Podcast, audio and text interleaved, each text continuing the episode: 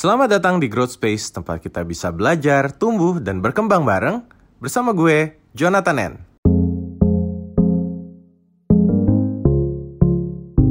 Halo, halo. Halo, halo, halo. Selamat sore. Selamat sore semuanya. Sore, sore. Gimana itu Halo, apa yang kita mau bahas hari Suara ini? suara gue jelas gak? Jelas, jelas.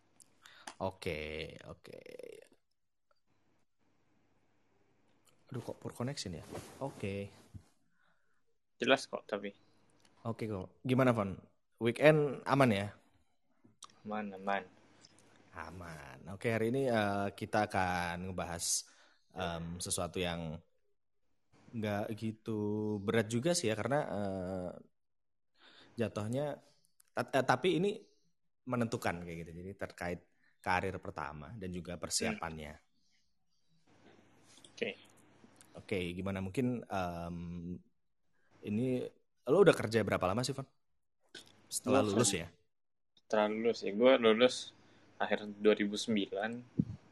Berarti ya dua, dua tahun, tiga, hampir tiga berarti ya. 2009. 19, 2019. 19, 19.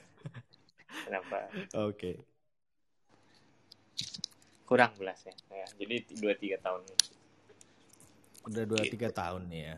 Eh, berarti mungkin em, mungkin lo bisa sharing apa nih terkait karir eh, pertama kali lo ber- bekerja terus apa yang seharusnya dipersiapkan dari versi lo sendiri karena em, tadi gue juga udah riset terkait apa aja sih eh, tips-tips yang Hmm. penting lah ya untuk gimana kita bisa mempersiapkan ketika kita baru baru banget berkarir atau ketika kita mau fresh graduate nih. Kalau dari gue sebenarnya gue untuk apa sebelum nah gue kan habis wisuda itu jadi pas banget ya agak hoki juga ya seminggu kemudian gue dapat dapat kerjaan gitu.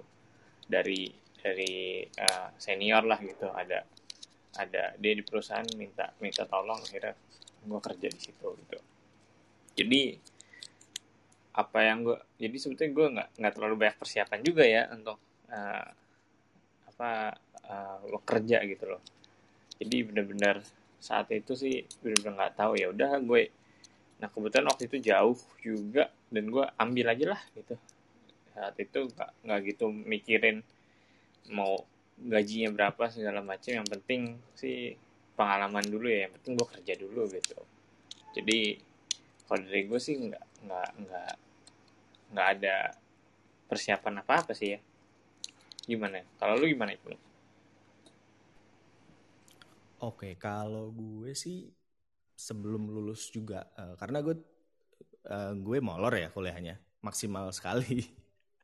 gue kuliah tujuh tahun, cuman Hmm? pas waktu sebelum sebelum lulus itu sempet eh, gabung di startup punya temen dan juga di coworking space juga kerja di coworking space juga. Jadi em, istilahnya gue gue sendiri ngerasa gue let, let tapi eh, itu nggak nggak meng-discourage gue buat nentuin nih karir path gue di depannya mau ke mana kayak gitu. Jadi pas waktu awal-awal gue kerja di perusahaan startup travel dan emang bener jadi mikirnya kayak lo tadi kayak "Alah, nggak usah terlalu pentingin kerja di mana gaji berapa dulu yang penting eh, ada experience dan juga ada ada istilahnya ngerasain oh kayak gini nih atmosfer kerja jadi fresh graduate atau kerja di karir pertama kayak gitu. Tapi Hmm. ternyata yang gue baca-baca gue riset itu dari eh, sumber yang yang gue cari ternyata ada tiga poin utama yang harus kita tahu dan pahamin kalau misalnya kita mau berkarir. Apalagi ini karir pertama ya yang sangat menentukan em, gimana perjalanan kerjaan kita kelak gitu. Jadi yang pertama aja itu yang pertama itu atasan. Gimana atasan kita itu seharusnya bisa mensupport dan juga mendevelop kita gitu. Kalau bisa dijadiin mentor karena itu benar-benar benar-benar penting banget. Eh, mulai dari pengembangan soft skill sama hard skill kita. Kemudian jenjang karir. Nah ini eh, apakah sesuai sama eh, apa yang kita mau sama apa yang kita butuhkan untuk saat ini kayak gitu. Karena Hmm. ya kita berkarir atau kerja kan nyari apa sih? Nyari duit nyari uh, kenyamanan nyari uh, ambisi kayak gitu. Jadi emang harus sejalan. Kemudian lingkungan kerja ini juga um, rekan kerja kemudian lokasi kantor kayak gitu. Jadi dari tiga poin itu sih yang jadi pertimbangan untuk uh, ngambil kerjaan itu atau enggak kayak gitu Hmm. Kalau dari dari situ uh, tiga hal itu pas tuh pertama kali kerja itu memenuhi tiga-tiganya apa gimana? Kebetulan untuk um, pas profesional profesional pertama sih dari uh, tiga-tiganya itu so-so sih, nggak nggak nggak yang terlalu gimana gimana ya. Jadi kayak biasa aja dan hmm. udah terlalu terlalu berlanjut dan lama pada saat itu gue kerja dua setengah tahun dan ya udah gitu aja. Gue ngerasa nggak sampai sekarang gue ngerasa oh ternyata emang sepenting itu gitu karir pertama. Uh, ternyata gue nggak bisa memanfaatkan dan gue gue nggak bisa mencari uh, sesuatu yang bisa mengembangkan diri gue lebih jauh kayak gitu. Dengan umur gue yang segini umur gue sekarang ternyata masih banyak banget uh, experience atau gue lagi hungry hungrynya kayak gitu. Hmm. Oke, mungkin dari teman-teman yang ingin sharing ya soal uh, dulu pernah ngapain aja pada saat first job atau sekarang ini uh, di karir pertama. Nah, kira-kira persiapan atau uh, apa aja sih yang yang yang kalian lakukan gitu? Bisa langsung raise hand nanti uh, aku jadiin speaker juga ya. Oke, mungkin um, dari Devon tadi kan juga ngomongin masalah ini ya uh, tips ya. Kalau dari lo sendiri gimana? Tips untuk uh, gimana maksudnya pekerjaan pertama harus Iya, kalau kalau kalau kalau gue tadi kan pertimbangan milihnya kan dari atasan, jenjang yeah. karir sama lingkungan kerja gitu. Kalau lo sendiri gimana? Kalau dari gue, nah ini sebetulnya gue baru sadar itu setelah keluar dari pekerjaan pertama kali ya. Dan kayaknya kita baru bisa mencoba untuk apa ya kasih tips itu justru ketika udah udah mengalami sih ya. Jadi ketika kerjaan pertama menurut gue sih nggak usah terlalu banyak mau ini itu sih kalau menurut gue ya. Jadi ya ya udah ikutin aja dulu bagaimana hmm. cara kerjanya. Ya kita juga nggak ap, apalagi dari kuliah ke kerja itu benar-benar beda lah gitu. Uh, beda banget gitu. Ya ya apa ya uh, kalau di kuliah kan ya ya udah masih banyak hal yang yang bisa ditolerir segala macam tapi kalau kalau uh, kerja kan lebih ya bener-bener ya kata orang ya real real war gitu ya. Jadi nggak usah banyak terlalu banyak uh, apa ini aneh-aneh lah gitu. Kalau kerjaan pertama uh, di, apalagi di awal-awal ya ya ikutin okay. aja dulu gitu sih. Ikutin dulu oh ternyata begini gini gini gini ya. Kalau kalau ternyata uh, ntar uh, misalnya udah berapa dalam waktu tertentu misalnya setahun gitu. Ya mau mau mencoba ya bisa kan kita punya idealis idealis kan ya. Untuk mm -hmm. meningkatkan idealis kita gitu. Ya, ini kalau gue sih bilang idealis itu kan kayak spektrum gitu loh. Jadi nggak nggak nggak harus A benar idealis kita A ya selalu A gitu. Tapi kan bisa di uh, naik turunin gitu loh. Ketika ya pertama kali kerja ya pasti kita juga deh idealis idealis ya kan. Apalagi misalnya dulu pengurus ini pengurus itu itu banyak ide ini itu gitu. Ya turunin dulu lah gitu. Di misalnya dari satu sampai sepuluh ya di dua dulu gitu. Ikutin dulu mereka mau apa gitu. Oh, nanti kalau kalau ya udah lumayan ngerti kondisinya situasinya ya udah baru kalau mau coba-coba ngapain gitu ya baru gitu. kalau gue sih gitu ya. Berarti uh, chill dulu lah ya berarti? Ya chill aja dulu. Chill chill aja dulu. Hmm. oke okay. mungkin uh, next ke guest speaker kita yang pertama. Um, Hani gimana Hani? Halo selamat sore. Halo sore semuanya. Hmm, oke tadi karir pertama ya. Iya. apakah sesuai dengan keinginan kemudian bikin ada bikin planning pas waktu setelah lulus atau gimana gimana kalau dari uh, Hani sendiri? Oke, kebetulan aku itu kerjanya udah dari pertama kuliah di 2014. Nah, jadi pada saat itu sih um, di vendor BUMN ya, mikirnya masih yang kayak ya udah sih kerja-kerja dulu aja gitu. Nah, itu nggak ada yang dipersiapin saat itu sih. Cuman dari situ karena kebetulan um, setengah tahun pertama itu langsung dilepas sama bosnya untuk bisa um, aku jalanin sendiri. Jadinya di situ lebih belajar sih lebih tepatnya. Jadi aku bisa belajar um, untuk berpikir kritis lah gimana bisa menghadapi masalah-masalah yang ada di dalam perusahaan tersebut. Nah, sampai lima tahun di sana, kemudian aku pindah dari Pontianak itu, kemudian aku pindah ke Jakarta. Mungkin di sini sih yang lebih kaget sama hmm, apa persiapan untuk berkarir karena kan situasinya udah beda semua ya dan di awal itu um, dengan aku yang lulusan bahasa dan sastra Inggris kemudian sekarang melanjutkan di ilmu komunikasi markom dan periklanan itu sebenarnya pertama kali masih bingung sih mau kerjanya di bagian apa ya ini sebenarnya gitu. Ini di marketing ini marketing jadi sales apa gimana ya gitu. Masih nggak ngerti sebenarnya gitu kan. Nah dimulainya dari waktu itu dari jadi finance dulu tuh di salah satu perusahaan konsultan pajak. Selama 8 bulan sambil cari-cari akhirnya udah mulai paham oh ternyata um, aku itu bisa ke PR juga masih bisa loh gitu karena masih ada ada yang dipelajarin gitu kan. Ke markom cari markom atau PR ke yang sekitaran seperti itu akhirnya bisa ke salah satu kampus internasional dan jadi markom PR-nya di sana.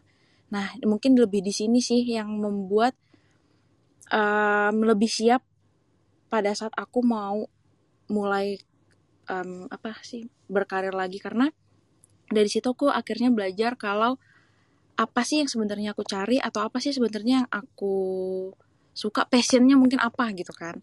Jadi kerja bener-bener yang nggak pakai beban gitu ya rasanya kalau misalnya memang itu udah sesuai passion kata orang-orang kan kayak gitu.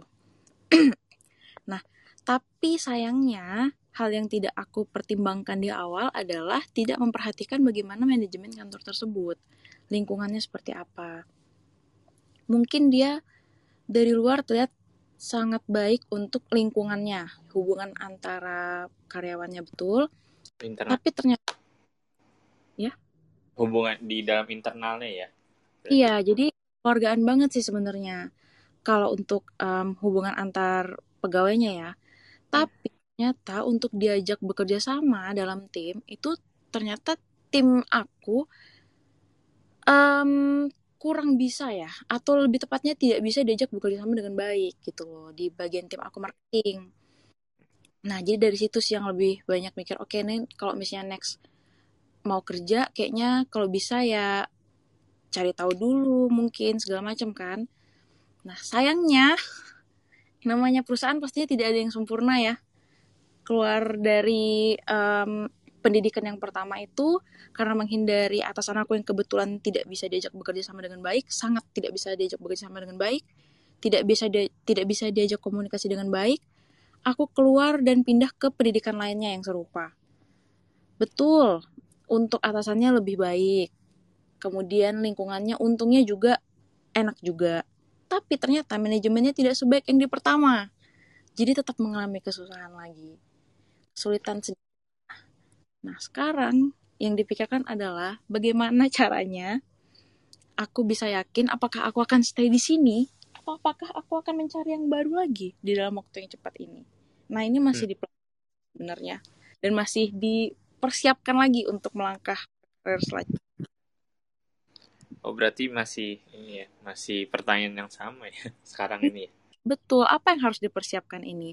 Tapi mungkin um, kalau yang uh, kemarin sebelum ke pendidikan yang kedua ini sebenarnya sempat tiga bulan di perusahaan IT. Sebetulnya sih sama-sama di marketing ya.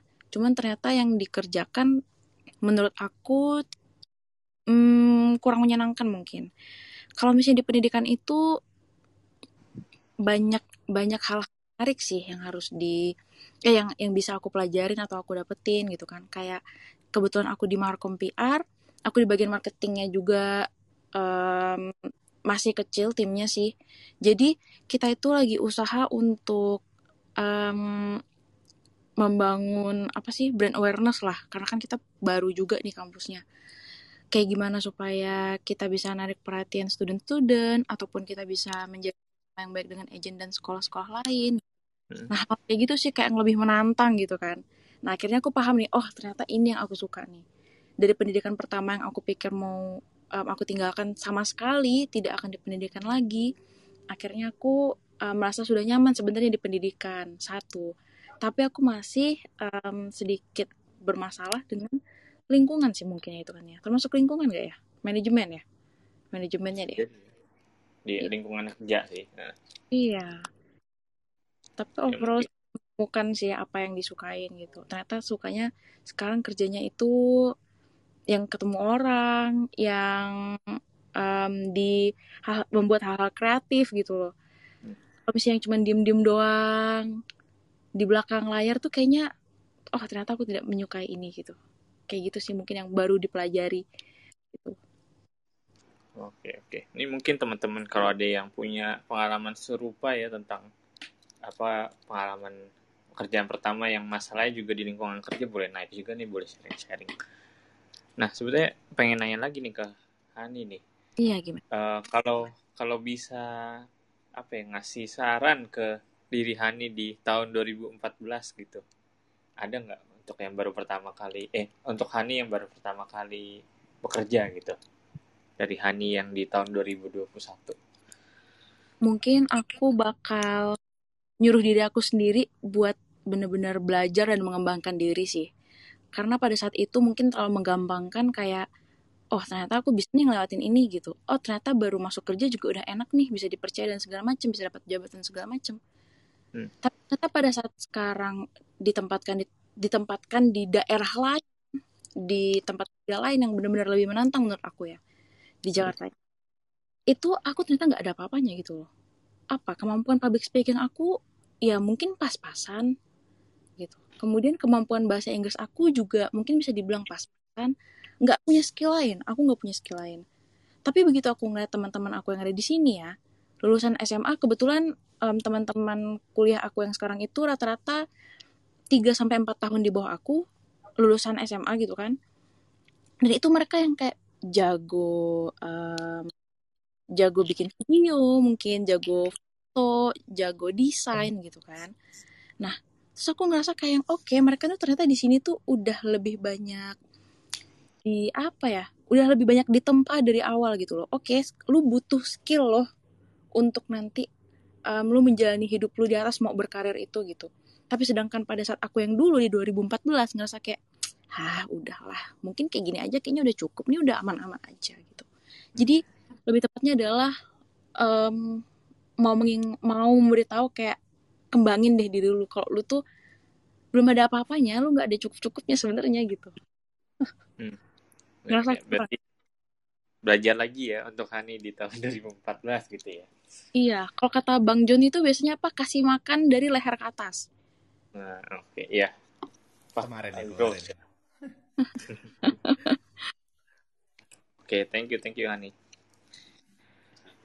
Oke, okay. uh, eh, jadi emang dari dua orang yang yang udah yang udah speak up um, mostly bilangnya ya awal-awal di awal-awal ini kita emang jarang um, istilahnya jarang mengetahui apa yang emang kita mau ya Fon ya kayak yep. Iya. um, masih banyak banget nih cabang-cabang atau opportunity-opportunity yang bisa digali dan juga kesenangan-kesenangan dari kesenangan kita sama basic pendidikan kita juga apa gitu. Nah mungkin um, ini aku uh, invite ada teman juga namanya Mas Agus ini juga dari karir awalnya itu emang udah beda lah beda banget sama jurusannya. Kemudian ternyata dia uh, ada balik lagi gitu. Ada uh, ada pivot yang memutuskan dia untuk ternyata berkarir di bidang yang di awal ditekuni itu seru juga. Ya mungkin Mas Agus mau sharing silakan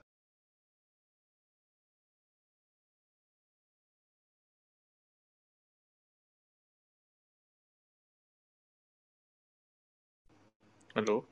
Ini gue yang ada suara apa ya?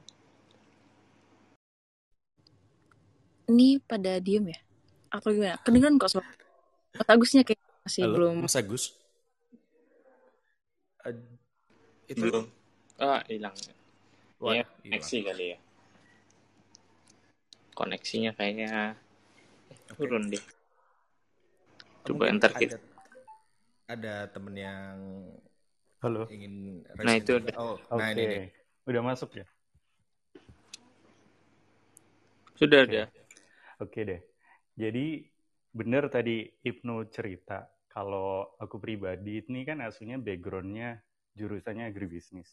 Tapi karir pertamaku dulu itu malah jadi guru di salah satu sekolah semi internasional di di Batam. Nah, apa ya? Ekspektasi pas masih zaman kuliah sama realisasi pas sudah di karir pertama itu kan jauh banget ya.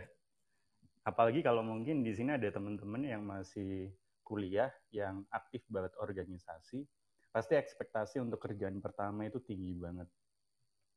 Nah, itu yang aku alamin dulu. Jadi habis lulus kuliah sekitar 2014-2015 itu pokoknya job opportunity yang di-apply waktu itu perusahaan-perusahaan gede, multinational company semuanya, mulai dari Nestle, mulai, mulai dari perbankan, semuanya ambilnya yang manajemen train.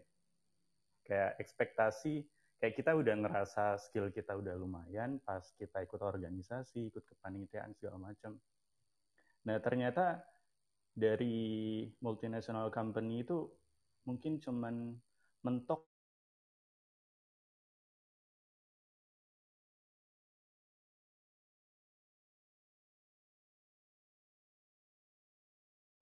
opportunity lain waktu itu ada bukaan lowongan pekerjaan di Malang juga di bidang pendidikan.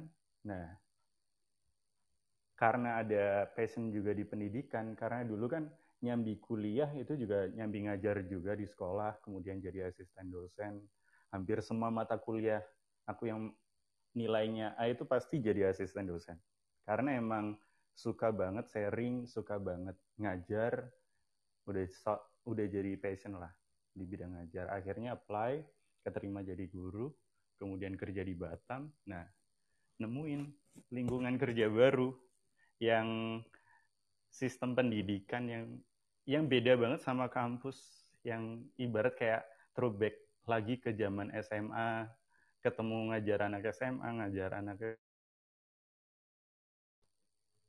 pengalamannya luar biasa banget.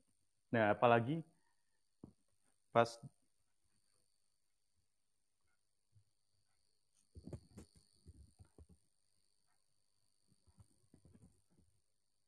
Oke, lanjut. Koneksinya agak bermasalah kayaknya.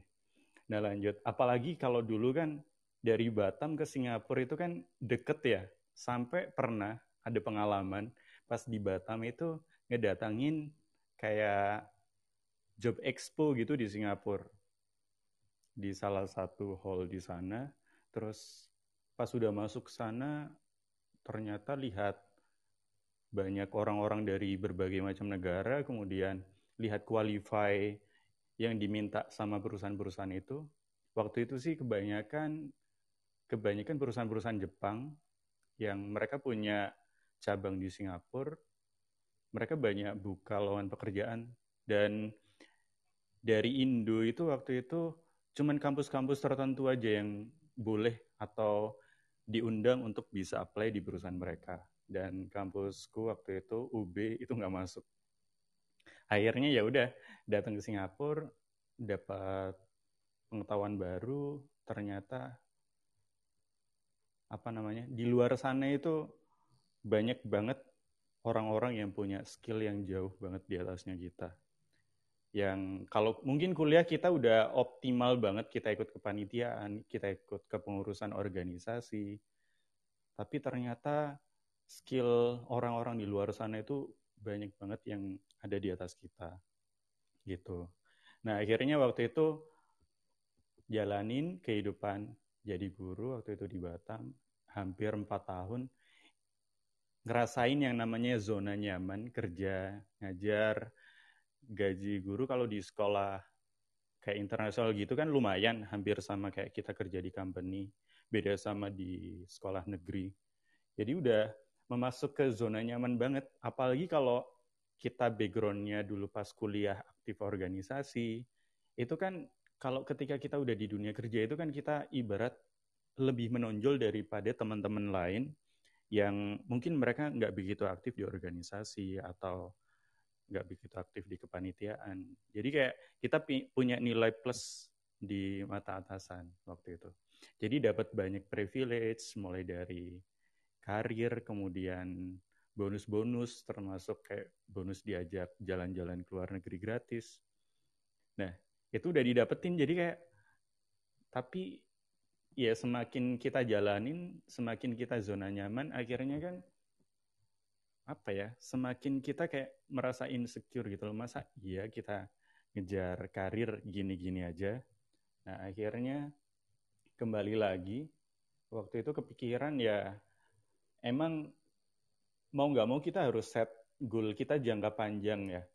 Lima tahun ke depan 10 tahun ke depan kita mau jadi apa? Kalau aku pribadi waktu itu kepinginnya ya udah ntar 10, 5 atau 10 tahun ke depan aku pu harus punya perusahaanku sendiri. Karena waktu itu pas sharing sama murid-murid juga di sana rata-rata orang tua mereka juga bisnismen gitu loh. Ya ketika bisnis kita bisa lebih fleksibel sama keluarga, kita bisa ngatur waktu kita. Mikirnya waktu itu pokoknya enak-enaknya dulu, enak-enaknya dulu ketika kita jadi bisnismen atau kita punya perusahaan. Nah, untuk achieve goal itu, untuk jadi bisnismen itu kan nggak sesimpel dan nggak semudah itu. Akhirnya, waktu itu sempat mikir mau lanjut S2 jurusan manajemen atau bisnis atau kerja di startup company. Karena waktu itu kan sekitar 2017-2018 kan kayak startup di Indonesia itu kan banyak banget yang naik daun. Nah, mulai tergiur buat join di startup. Nah, kebetulan waktu itu ada temen yang nawarin buat kerja di startupnya dia. Habis itu jadi project manager di situ, kurang lebih setahun, setahun lebih dikit, dan kayak ngerasa udah waktunya buat start bisnis sendiri. Akhirnya awal pandemik tahun lalu ngerintis bisnis sendiri yang emang awalnya susah banget, susah, berat namanya ngeritis bisnis sendiri. Bayangin kalau kita sebelumnya udah udah biasa dapat gaji bulanan sekian sekian sekian, jadi udah kepikirannya tiap akhir bulan itu duitnya mau dibuat ini ini ini ini ini. Nah tapi setelah awal ngerintis bisnis itu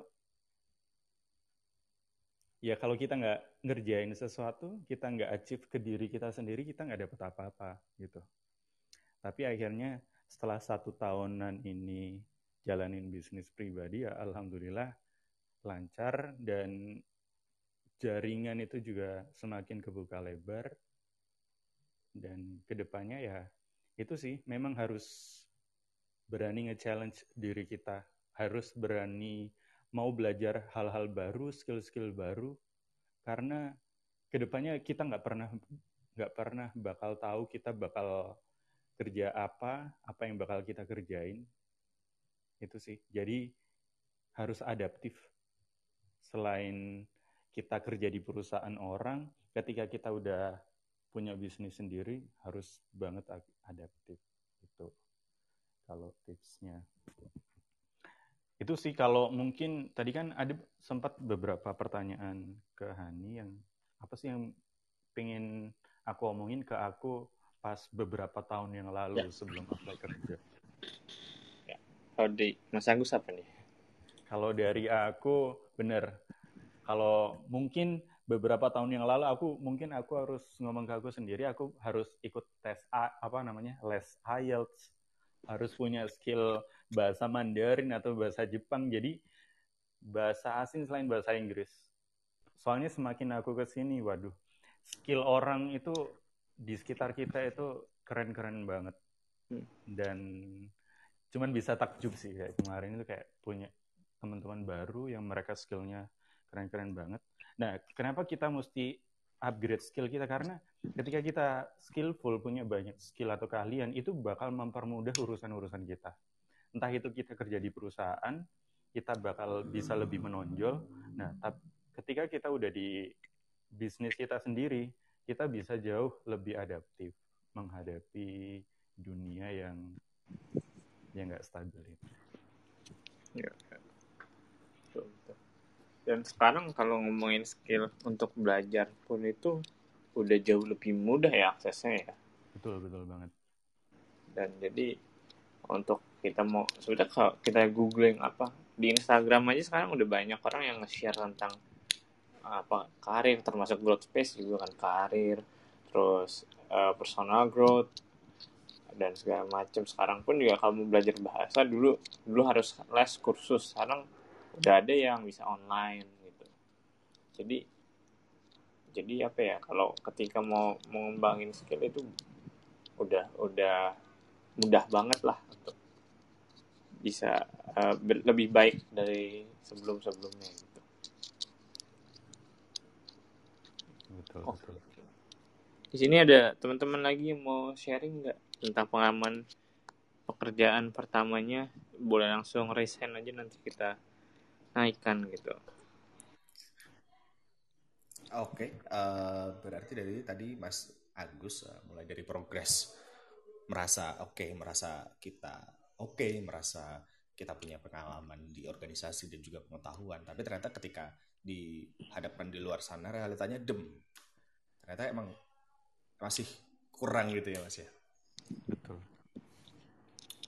ini aku baca di Harvard Business Review Fon uh, kira-kira tips ada lima tips nih yang perlu kayak disiapkan ketika um, kita akan mengarungi uh, first career gitu. Yang pertama sih dari uh, eh, HVR eh, HBR ini bilangnya create a career plan di mana kita harus benar-benar nge-create benar tadi kata Mas Agus, lima tahun nanti kita mau ke mana, 10 tahun juga kita mau ke mana. Apa yang pengen di achieve itu apa? Gitu. Karena, karena mungkin kita ada yang dari pertama kuliah atau dari pertama masuk uh, lulus itu ada yang udah tahu nih, tapi kan juga nggak sedikit yang clueless tentang uh, karirnya mau dibawa ke mana. Gitu. Kemudian yang nomor dua, um, jadilah empty glass ya, di mana kita harus benar-benar mengosongkan pikiran kita di tempat baru.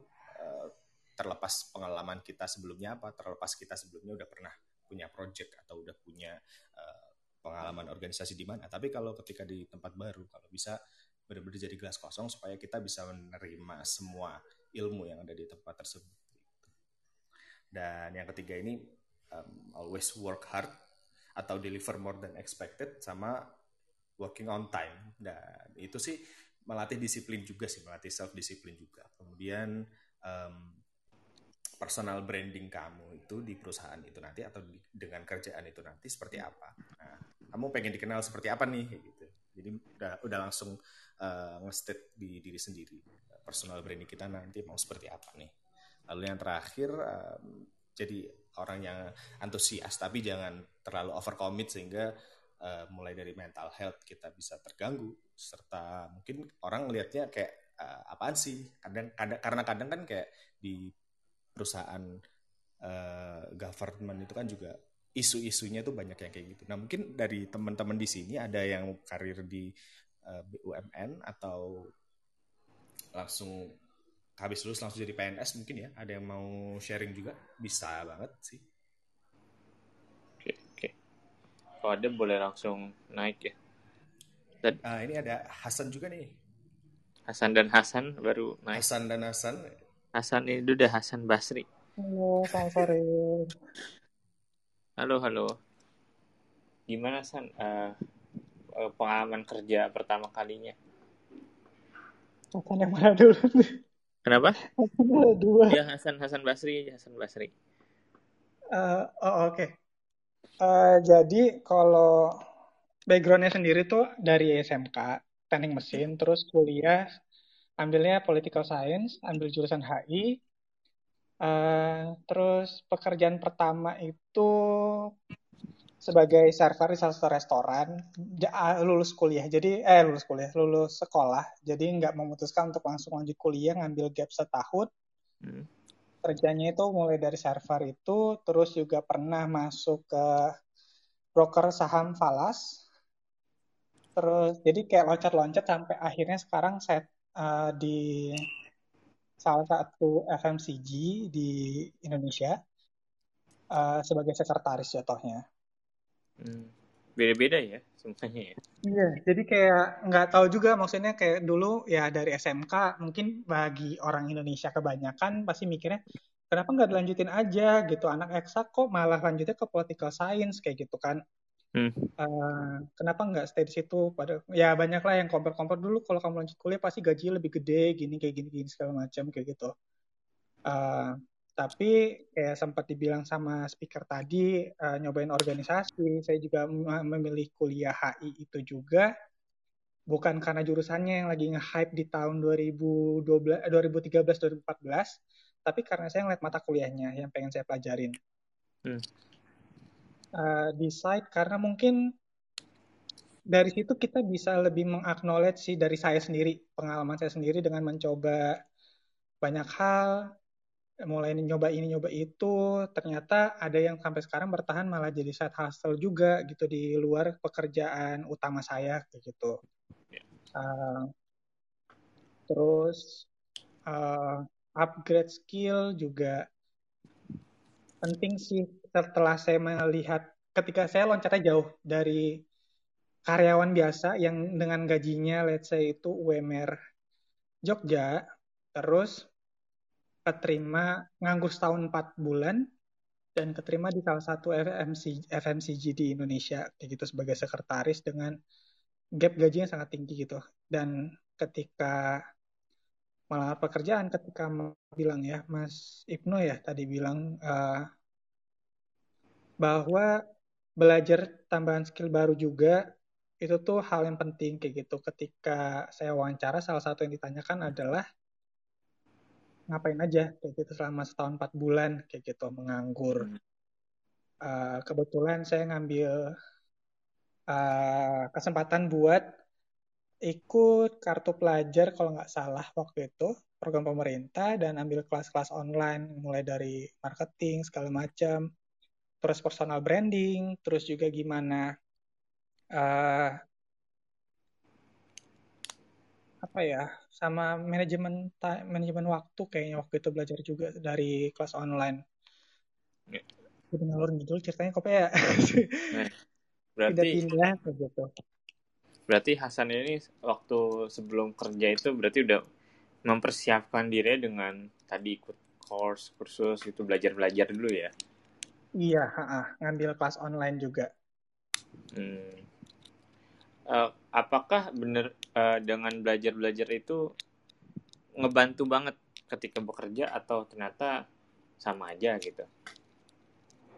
Hmm, sebenarnya kalau dilihat dari cara praktek di lapangan tuh sebenarnya nggak nggak sepenuhnya benar, nggak sepenuhnya salah. Kenapa? Karena uh, kayak cuman menambah insight sih kalau buat aku sendiri jatohnya gitu kayak uh, marketing karena saya di salah satu marketplace yang saya beli kelas online itu ternyata lebih kepada uh, lebih cenderung kayak belajar ke sekolah yang textbook kayak gitu. Kayak hmm. kayak gitu bukan penerapan di lapangan kayak teori gitu, ya bukan. teori.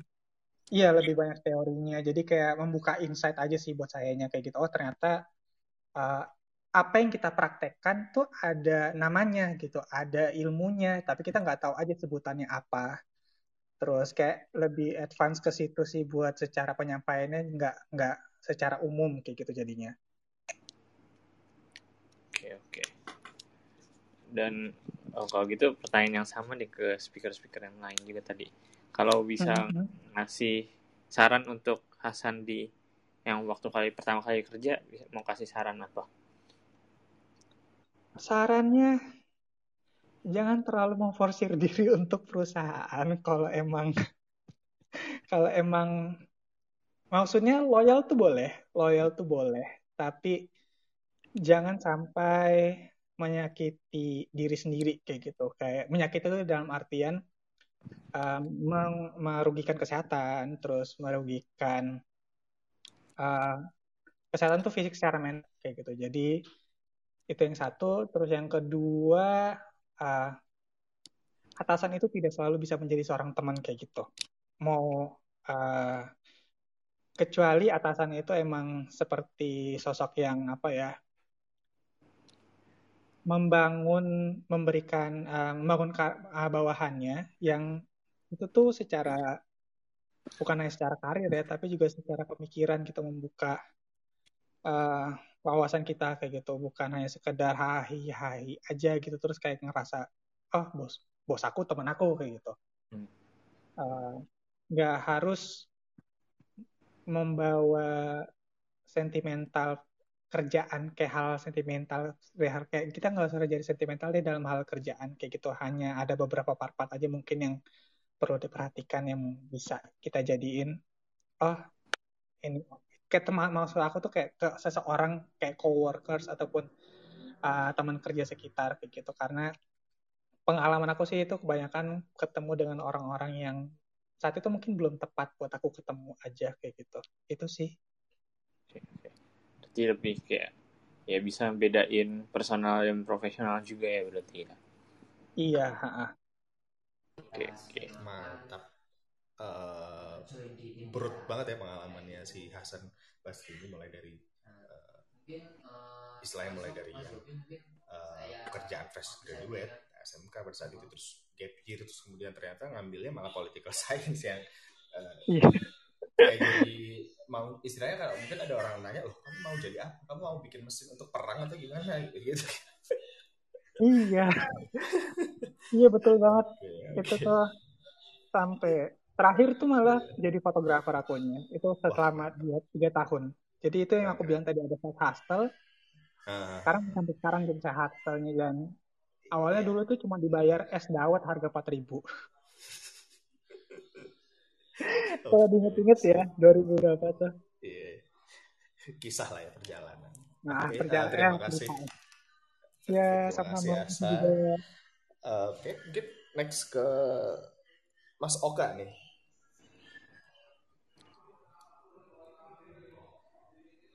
Halo, ada Mas Oka. Halo, Mas. Halo, halo Mas Ibnu, Mas Devon. Halo semuanya, selamat sore. Sore, sore. Gimana, gimana? Gimana nih? Um, Mas Oka, uh, pengalaman hmm? pertamanya. Wah, wow, pengalaman kerja pertama ya. Ini dari bidang apa dulu nih Mas? Maksudnya kayak apa aja ya? Gitu. Apa aja, apa aja. Ya, oke. Okay. Oke. Okay. Mungkin kalau misalnya ditanya pengalaman kerja, aku itu dari kelas 2 SMA udah tahu aku mau ke mana.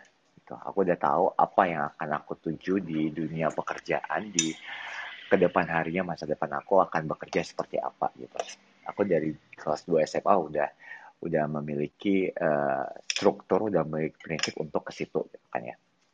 Nah, kalau ditanya uh, aku adalah orang yang tidak mau bekerja di bawah suatu company atau di bawah perintah orang lain gitu. Aku ingin bekerja, aku yang ingin jadi uh, lead kepada diri aku sendiri gitu. Jadi aku ingin aku adalah orang yang suka menciptakan pekerjaan malah gitu. Jadi sejauh ini sejauh aku berkarir gitu, aku adalah orang yang menciptakan pekerjaan untuk diri aku sendiri.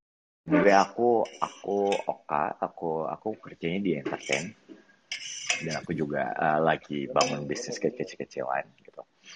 Jadi uh, dari zaman kelas 2 SMA aku sudah tahu tujuan aku ke mana. Gitu. Jadi bagi aku kalau misalnya uh, pengalaman kerja sendiri gitu, aku tidak memiliki banyak pengalaman pekerjaan karena dari awal aku terjun ke dunia pekerjaan aku sekarang sampai sekarang aku masih tekuni, sampai sekarang aku masih comfortable dengan pekerjaan aku, sampai sekarang aku juga masih enjoy dengan itu semua gitu. Jadi bagi aku semuanya itu kembali kepada uh, niat dari awal lihat lagi passionnya ke mana karena aku tahu kalau bagi aku ya aku tahu passion aku ke mana jadi aku memfokuskan ke hal-hal yang bisa aku capai dari passion aku sendiri gitu mas itu ya oke oke eh kalau boleh tahu tadi agak nggak kedengeran tadi sekarang kerja sebagai apa Aku di entertain mas. Aku Entertain, ya, aku di entertain. Aku bintang iklan, aku pemain sinetron, aku main series, gitu gitulah. Hmm. Oke oke oke.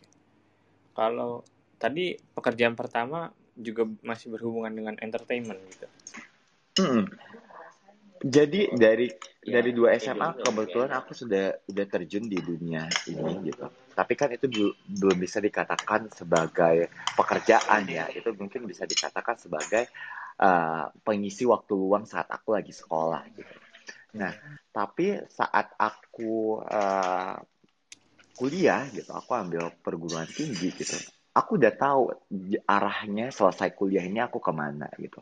Nah, jadi sejauh ini dunia aku sekarang, pekerjaan aku sekarang adalah uh, pekerjaan pertama aku dan ya aku masih uh, survive, masih masih comfortable dengan pekerjaan yang aku build sekarang gitu, Mas. Oke, keren keren.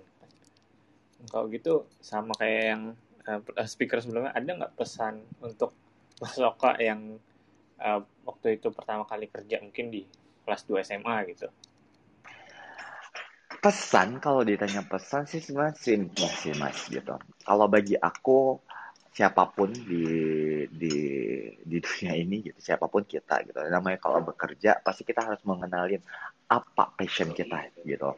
Hmm. Apa apa passion kita dalam dalam uh, pekerjaan yang akan kita jalani ke depannya gitu. Jadi bagi aku uh, kenali dulu uh, kamu ini passionnya ke mana. Kalau kamu uh, tidak memiliki bakat untuk bekerja di dunia kantoran di bawah naungan company, ya jangan bekerja. Caranya aja ciptakan pekerjaan sendiri gitu.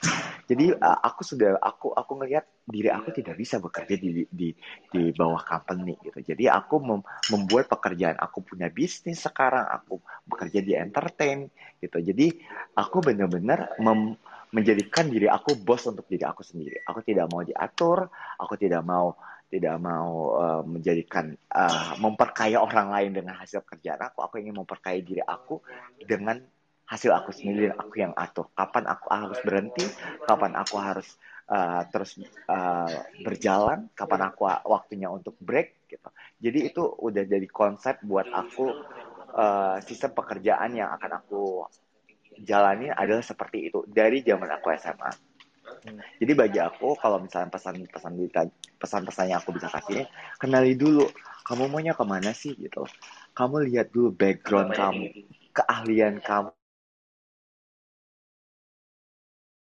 Langsung tinggi. Semua kan berawal dari bawah. Semua kan berawal dari nol gitu. Tapi saat kamu menemukan struggle dalam dalam proses perjuangan kamu itu, ya jangan menyerah. Intinya terus berusaha, ya terus aja fokus dengan apa yang menjadikan skill kamu. Karena bagi aku suatu proses pasti ada struggle di dalamnya. Tapi ketika, ketika kamu sudah melewatkan struggle dalam proses itu, kamu akan menikmati hasilnya ke depannya. Jadi kayak gitu sih Mas Mas Stefan mungkin pesan yang mungkin aku bisa kasih uh, ke sore ini. Wah keren keren keren. Ngomongin passion lagi berarti ya tadi. Nih kita jadi harus tahu passion kita. Iya, apalagi kalau tadi juga udah pernah, uh, tadi udah aku bahas tentang gimana kita kalau misalnya uh, udah tahu nih, udah tahu apa yang mau kita lakukan gitu kan, udah tahu apa yang mau kita capai. sehingga kita bisa mempersiapkan di, kita bisa mempersiapkan sedini mungkin sih ya. istilahnya strategi apa sih yang yang akan kita lakukan kayak gitu kali ya Mas Oka dengan passionnya di dunia entertain dan juga menjadi bos untuk dirinya sendiri kayak gitu. Thank iya you, mas, benar benar benar. Uh, simply kalau menurut aku ya, yang namanya pekerjaan adalah bentuk kenyamanan. Selama kamu tidak nyaman dengan pekerjaan kamu, cari pekerjaan yang lain. Karena uh, at the end of the day, bukan uang yang mengatur, tapi kenyamanan diri yang paling penting. Thank you Mas Oka untuk sharingnya. Kita ke speaker selanjutnya yang ada di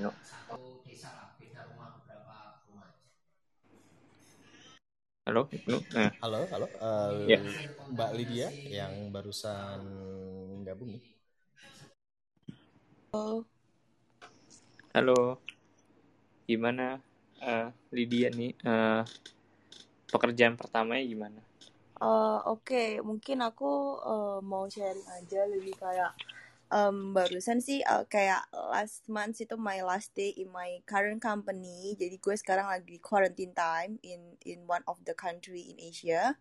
Um, gue lagi ngajutin S2 di sini actually. Um, sebenarnya yang bisa gue share di sini adalah um, untuk karya pertama sih sebenarnya for me actually um, lebih kayak uh, lo harus tentuin dulu sih what is your passion actually. Hmm. Misalnya ya let's say you graduated from economic. Nah, ekonomi itu sebenarnya kan bisa kayak lo bagikan kayak you want to be a like marketing, you want to be a like HR or others.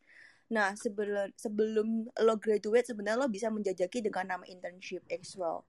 Jadi menurut gue internship itu sebenarnya uh, bisa ngebuka kayak ngerti kayak what is your passion actually gitu. Ketika lo ngerti kayak oh gue mau di digital marketing. Tapi setelah lo ngelakuin internship dan gue ngerasa kayak oh this is not my passion. So actually you can move to another job. Like misalnya kayak lo mau menjadi marketing or sales nah ketika lo sudah nyaman in that position uh, itu bisa menjadi career path lo untuk a few of the years gitu sih. Menurut gue seperti itu. Oke hmm. oke okay, okay. kalau dari pekerjaan uh, pertama apakah sebetulnya jadi dia udah tahu passionnya apa gimana? Apa Iya, sebelumnya gue waktu di Unif itu sebenarnya gue ada part time job uh, dan dari part time job itu tuh kayak oh I know this is my passion actually dan memang bener apa yang gue lakuin uh, itu sampai gue di sana dua tahun at uh, in the one of the unicorn company Indonesia as well.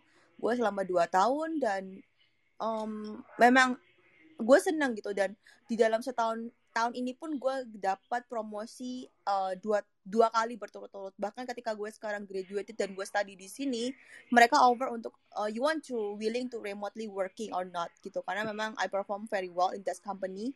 Dan mereka bahkan kayak bilang lo berapa lama di sana? You want to back to here not or again gitu loh. Jadi um well you got the that's opportunity. Just do the best what you can do actually. Itu sih oke okay, oke okay ya balik lagi tadi passion ini yang kayaknya bisa membuat ya pekerjaan kita lebih baik lah ya bekerjanya ya. Hmm, kalau gitu uh, Lydia kalau bisa ngasih pesan untuk Lydia yang baru pertama kali uh, kerja apa yang mau disampaikan?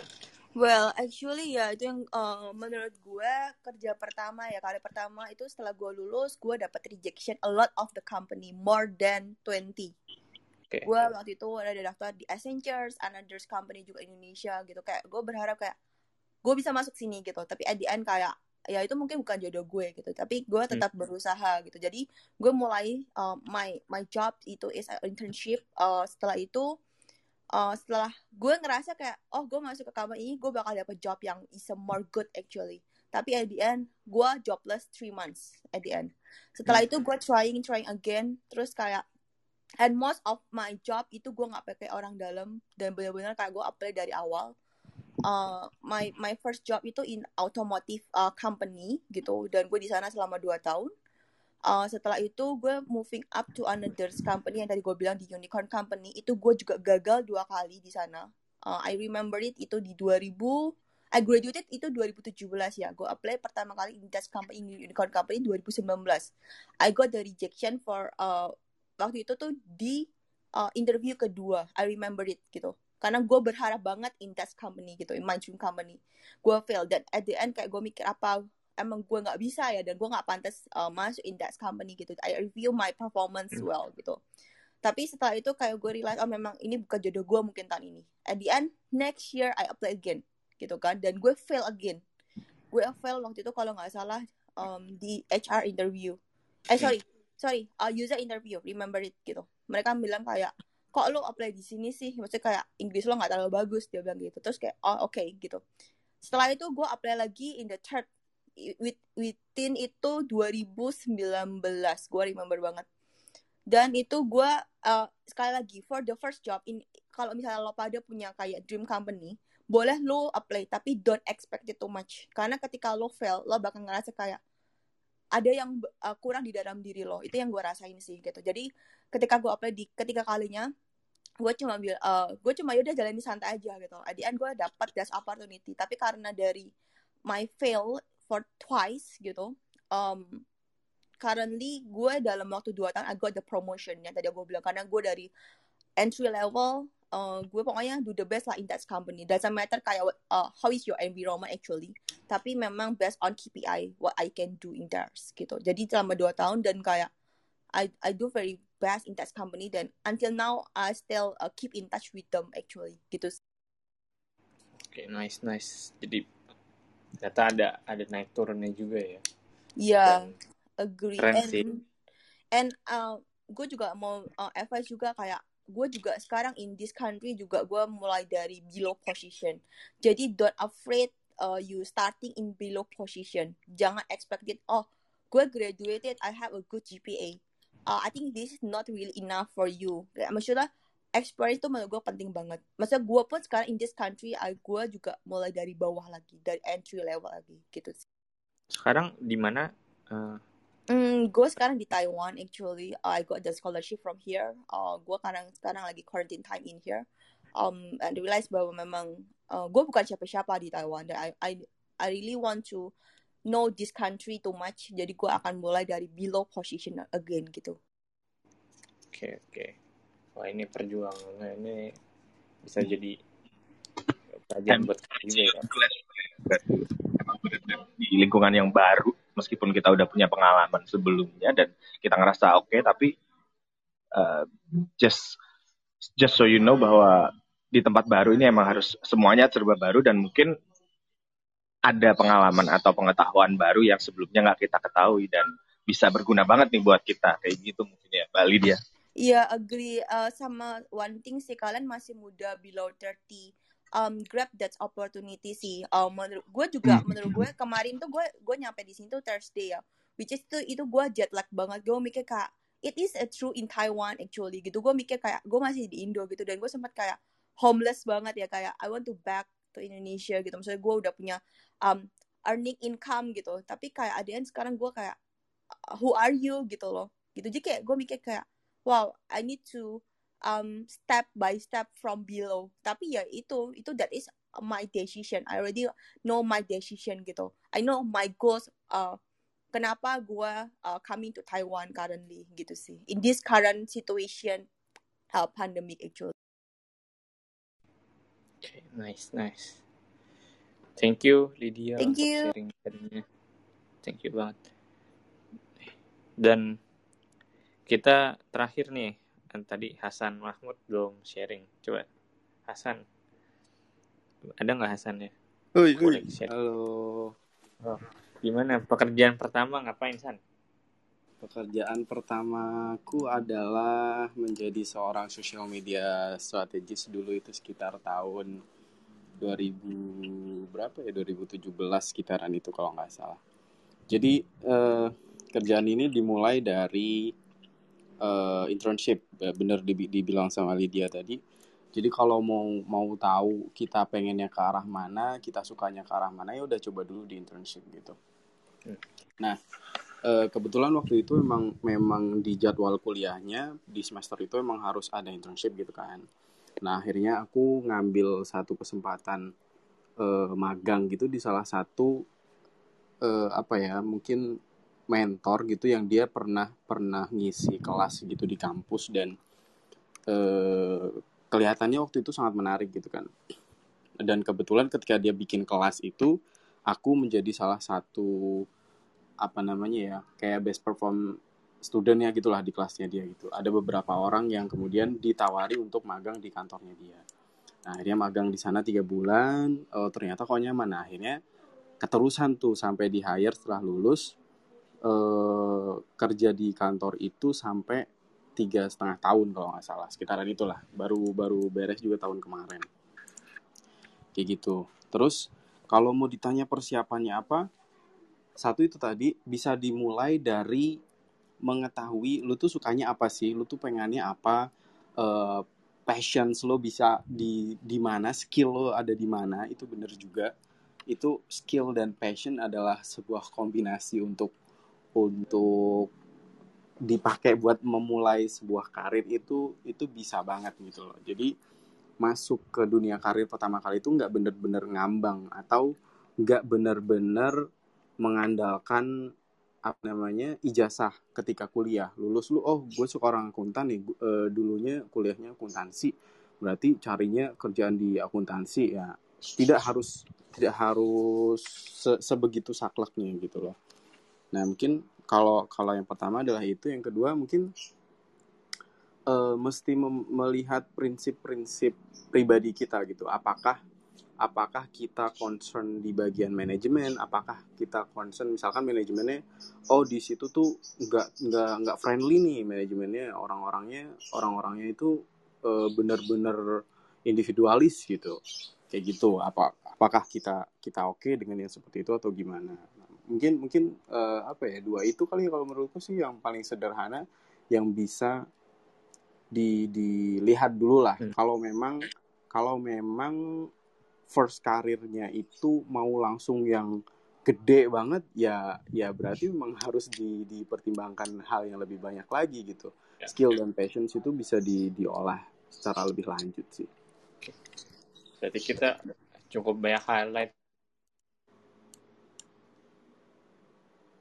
kayaknya yang perlu disiapin banget untuk memulai karir pertama kali gitu. Mm -mm, betul. Jadi uh, kalau udah punya bekal itu tadi gitu mungkin keluhan orang-orang itu yang kayak cari kerjaan tuh susah cari kerjaan susah itu mungkin bisa bisa lebih sedikit terjadi sih kayak gitu. Bisa membantu lah ya itu iya betul. Sekarang kan banyak banget tuh yang ngeluh. Ya emang ini di pandemi cari kerjaan susah gitu kan. Kalau lu tahu lu mau ke mana ya pasti ada jalannya sih kalau menurut gue gitu sih. Hmm. ya, ya. Terakhir San untuk lu di tahun 2017 pesan mm -hmm. dari lu di tahun 2021 untuk Hasan di 2017 pesan untuk Hasan di tahun yang sekian itu. Sorry ya basic uh, yeah. Don't take it personally lah gitu kalau menurutku latihanlah memisahkan urusan pribadi dan pekerjaan gitu karena ternyata itulah kemudian yang membuat aku harus uh, menyelesaikan di karir kuliah pertama itu. Jadi aku sulit mem memisahkan antara antara personal relationship gitu sama professional relations gitu. Hmm. Itu yang itu yang uh, ternyata menjadi caseku yang cukup cukup apa ya cukup merubah merubah banyak hal gitu sih. Oke, oke. Ya kita ya walaupun kayaknya agak susah ya untuk uh, memisahkan ya tapi mm -hmm. kalau kita bisa pisahin justru kayaknya kita nggak terlalu eh, take personal gitu loh ya mungkin yeah. Kita salahnya karena kerjaan ya udah gitu sampai situ aja gitu. Nggak usah bawa-bawa ke mana-mana lagi gitu kan. Iya betul. Uh, sebenarnya ada masalah lain gitu yang yang kemudian itu uh, menjadi lebih jauh sih. Karena karena di di mungkin sekitaran uh, di sepertiga akhir karirku itu kemudian akhirnya aku menjadi uh, partner gitu kak kami bikin satu unit bisnis baru yang memang uh, dibangun oleh beberapa orang di di dalam kantor itu jadi kita bikin kayak sister company gitu lah dan aku yang diajak untuk bikin itu gitu jadi mau gimana gimana itu akan tetap menjadi intensitas komunikasinya akan jauh lebih jauh lebih dekat kan daripada kita menjadi uh, pegawai biasa gitu loh. Oke, oke. Ternyata aku tidak bisa dealing dengan itu gitu. Kayak gitu. Sampai sekarang lebih baik lah ya. Ya, sangat sangat sangat lebih baik. Thank you San untuk sharingnya. Oke, okay, sama-sama. Kita udah satu jam nih Ibnu? Iya, nggak kerasa ya. Uh, mungkin dari Devon ada tambahan adisional apa gitu? Dari gue sih tadi sih dari speaker-speaker ya. Sebelum menentukan karir ya, skillnya dulu yang kita harus pertajam dulu sama menemukan passion itu juga itu bisa membantu kita memulai karir lah gitu. Kurang lebih itu sih. Dan tadi aku juga nge-highlight uh, dari Lydia ketika kamu sudah aim big atau aim dream job atau dream company. Dan ketika kamu gagal di situ uh, mungkin emang itu bukan yang terbaik buat kamu gitu. Dan jangan ter merasa discourage jangan merasa kamu uh, sangat kurang atau gimana. Tapi jadikan itu menjadi uh, istilahnya lucutanmu untuk bisa biar bisa lebih baik. Kayak gitu sih Oke, mungkin uh, dari Grow Space itu dulu ya di sore hari Sabtu ini. Terima kasih buat teman-teman atas uh, kontribusi dan sharingnya. Uh, selamat menjalani Saturday night ya uh, buat teman-teman. Saya tutup. Selamat sore. bye bye Selamat sore, makasih. Bye bye semuanya. Selamat sore.